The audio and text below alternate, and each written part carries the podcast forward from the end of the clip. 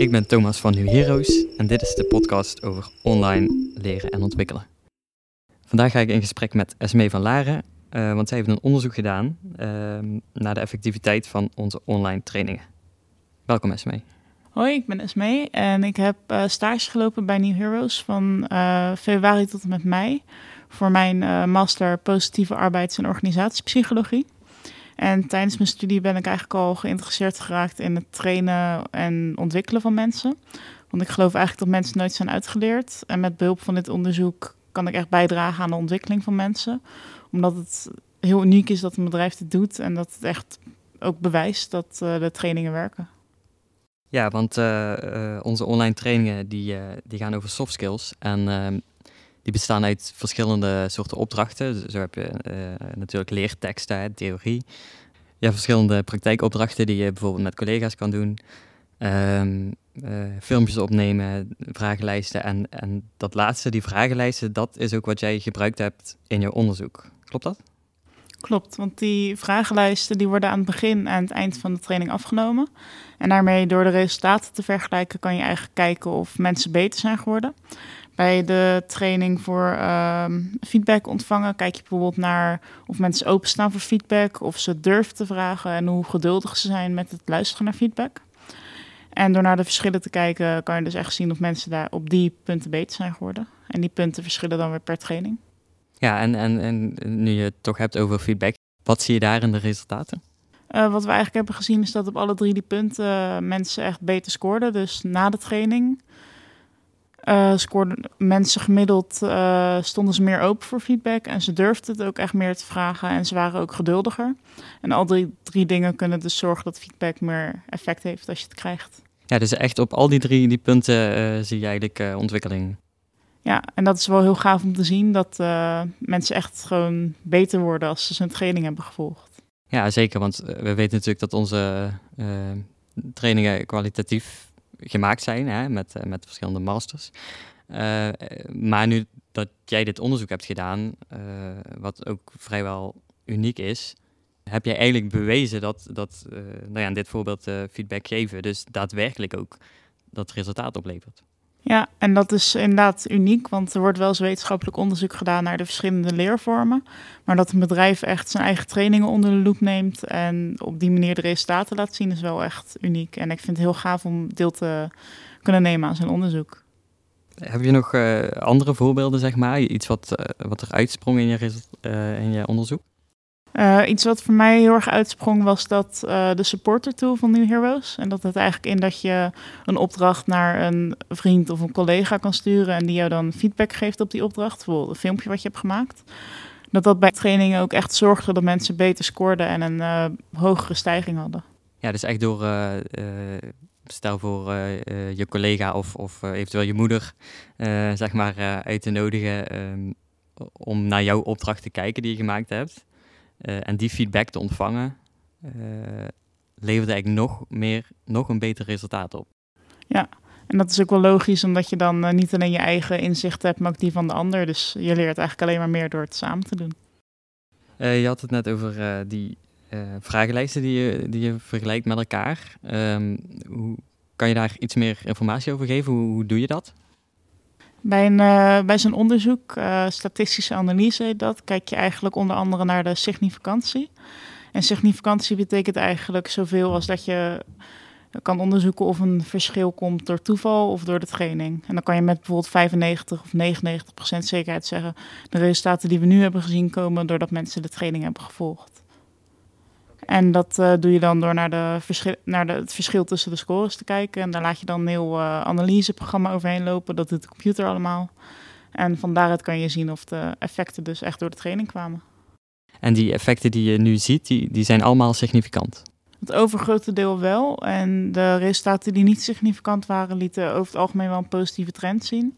Maar zo'n statistische test moet dan allerlei eisen voldoen. En als je minder mensen hebt, dan is het moeilijker om resultaten te vinden. En eigenlijk zagen we de trainingen die niet significant waren, die hadden ook maar weinig uh, deelnemers voor de vragenlijsten. Ja, precies. Dus dan zou je niet, omdat er dus te weinig mensen uh, allebei die vragenlijsten hadden ingevuld, kan je niet met zekerheid zeggen van oké, door deze training hebben ze eh, zijn ze beter geworden in dit en, en dat. Dat klopt. En de meesten lieten wel een positieve trend zien, dus uh, dat gaat in ieder geval de goede kant op. Want over hoeveel trainingen hebben we het dan? Hoeveel trainingen heb je onderzocht? Ik heb uh, 13 trainingen onderzocht. En dat waren dan trainingen die tussen de twee weken en vier maanden duurden. En je ziet eigenlijk dat bij op het kortst na twee weken al resultaat. Dat was bij de trainingen fit met voeding en beweging. En eigenlijk zagen we daar dat na gemiddeld een week of twee mensen al uh, beter gingen eten, meer gingen bewegen en minder alcohol gebruikten.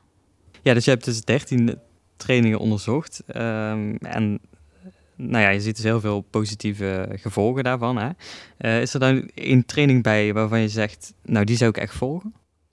Ja, ik zou mindfulness echt aanraden omdat het echt heel veel belangrijke positieve effecten had. Je zag bijvoorbeeld dat mensen optimistischer werden en minder gestrest. En dat ze in het algemeen ook mindfuler werden. En dat heeft weer, kan weer allemaal positieve resultaten hebben op hoe je je voelt en zelfs op je lichaam. Mhm. En ik denk dat dat zeker in deze tijd nu met alle stress en onzekerheid wel uh, heel positief kan zijn. Is, is, dat, is mindfulness is dat een van de belangrijkste dingen, zeg maar? Is dat de basis voor alle andere soft skills? Ik zou niet per se zeggen dat het de basis is, maar ik denk dat het gewoon een algemene uh, iets is wat gewoon in het dagelijks leven heel erg van pas kan komen. Omdat je ook bewuster bent van hoe je je voelt en je waardeert meer. Mhm. En ik denk dat het zeker in zo'n tijd met negativiteit en onzekerheid, als je dan wat meer positief kan zijn, dat het heel erg kan helpen. Ja, wat je net zei over uh, de, de, training fit met uh, voeding en bewegen. Uh, ik heb die zelf ook, ik heb daar zelf ook een begin aan gemaakt. en wat ik graag wil is wat gezonder gaan eten. En ook sporten met wat meer regelmaat. en nou ja, ook zoals jouw onderzoek, hè, zoals de resultaten zijn, merk ik ook dat door die training te doen, en zeker ook door zo'n supporter uit te nodigen, dat je inderdaad uh, een soort van stok achter de deur hebt om, om wat beter op je voeding te letten en op, uh, met regelmatig sporten dan voor mij. Dus het is wel ja, mooi dat dat inderdaad ook weer terugkomt in de resultaten. Het is inderdaad wel gaaf om te zien dat, zo, dat als je zo'n training doet, dat je ook ervaart dat het ook echt werkt. En dat is natuurlijk de combinatie van dat je tegen jezelf zegt, ik ga het ook doen. En dat je het opschrijft en dat je het ook nog tegen iemand anders zegt, dan moet je haast wel. Ik had ook met een collega een, uh, een leerreis gevolgd, samen. Uh, misverstanden voorkomen. die heb jij volgens mij niet onderzocht. Nee. maar ik merkte ook wel dat doordat je het dus samen met iemand doet en kan doen... en dat je elkaar eraan herinnert om die opdrachten te maken en, en samen die voortgang boekt, stimuleert dat ook wel om, om die leerreis te doen en, en om inderdaad voortgang te boeken. En minder misverstanden te hebben, zeg maar, in dit geval.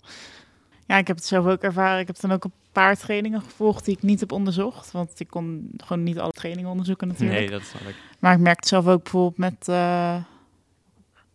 met uh, presentatietechnieken dat ik wel echt beter me gaan presenteren en veel meer op mijn houding let en zo. En dat geeft ook gewoon wat meer gevoel van zekerheid als je uiteindelijk voor een groep moet staan. Ja, het is wel mooi om die succesverhalen te horen.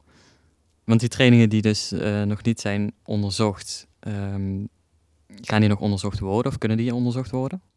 Uh, ze kunnen zeker onderzocht worden. Dat is ook een beetje afhankelijk van uh, wat New Heroes wil natuurlijk. Maar zolang die vragenlijsten erin zitten of erin worden gezet, is het onderzoek makkelijk uit te voeren. En dat is gewoon heel gaaf dat die optie er is. En dat je uiteindelijk hopelijk gewoon bij iedere trainer kan zeggen: joh, dit werkt en dit werkt. En dat wat we al wisten, dat dat ook gewoon wordt bewezen met statistiek. Ja, dus dat is in ieder geval uh, een mooi vooruitzicht. Ik bedank je voor je komst en voor de uitleg. En wat meer diepgang over de resultaten. En nou ja, misschien tot ziens. En jij ook bedankt, Thomas. En tot ziens.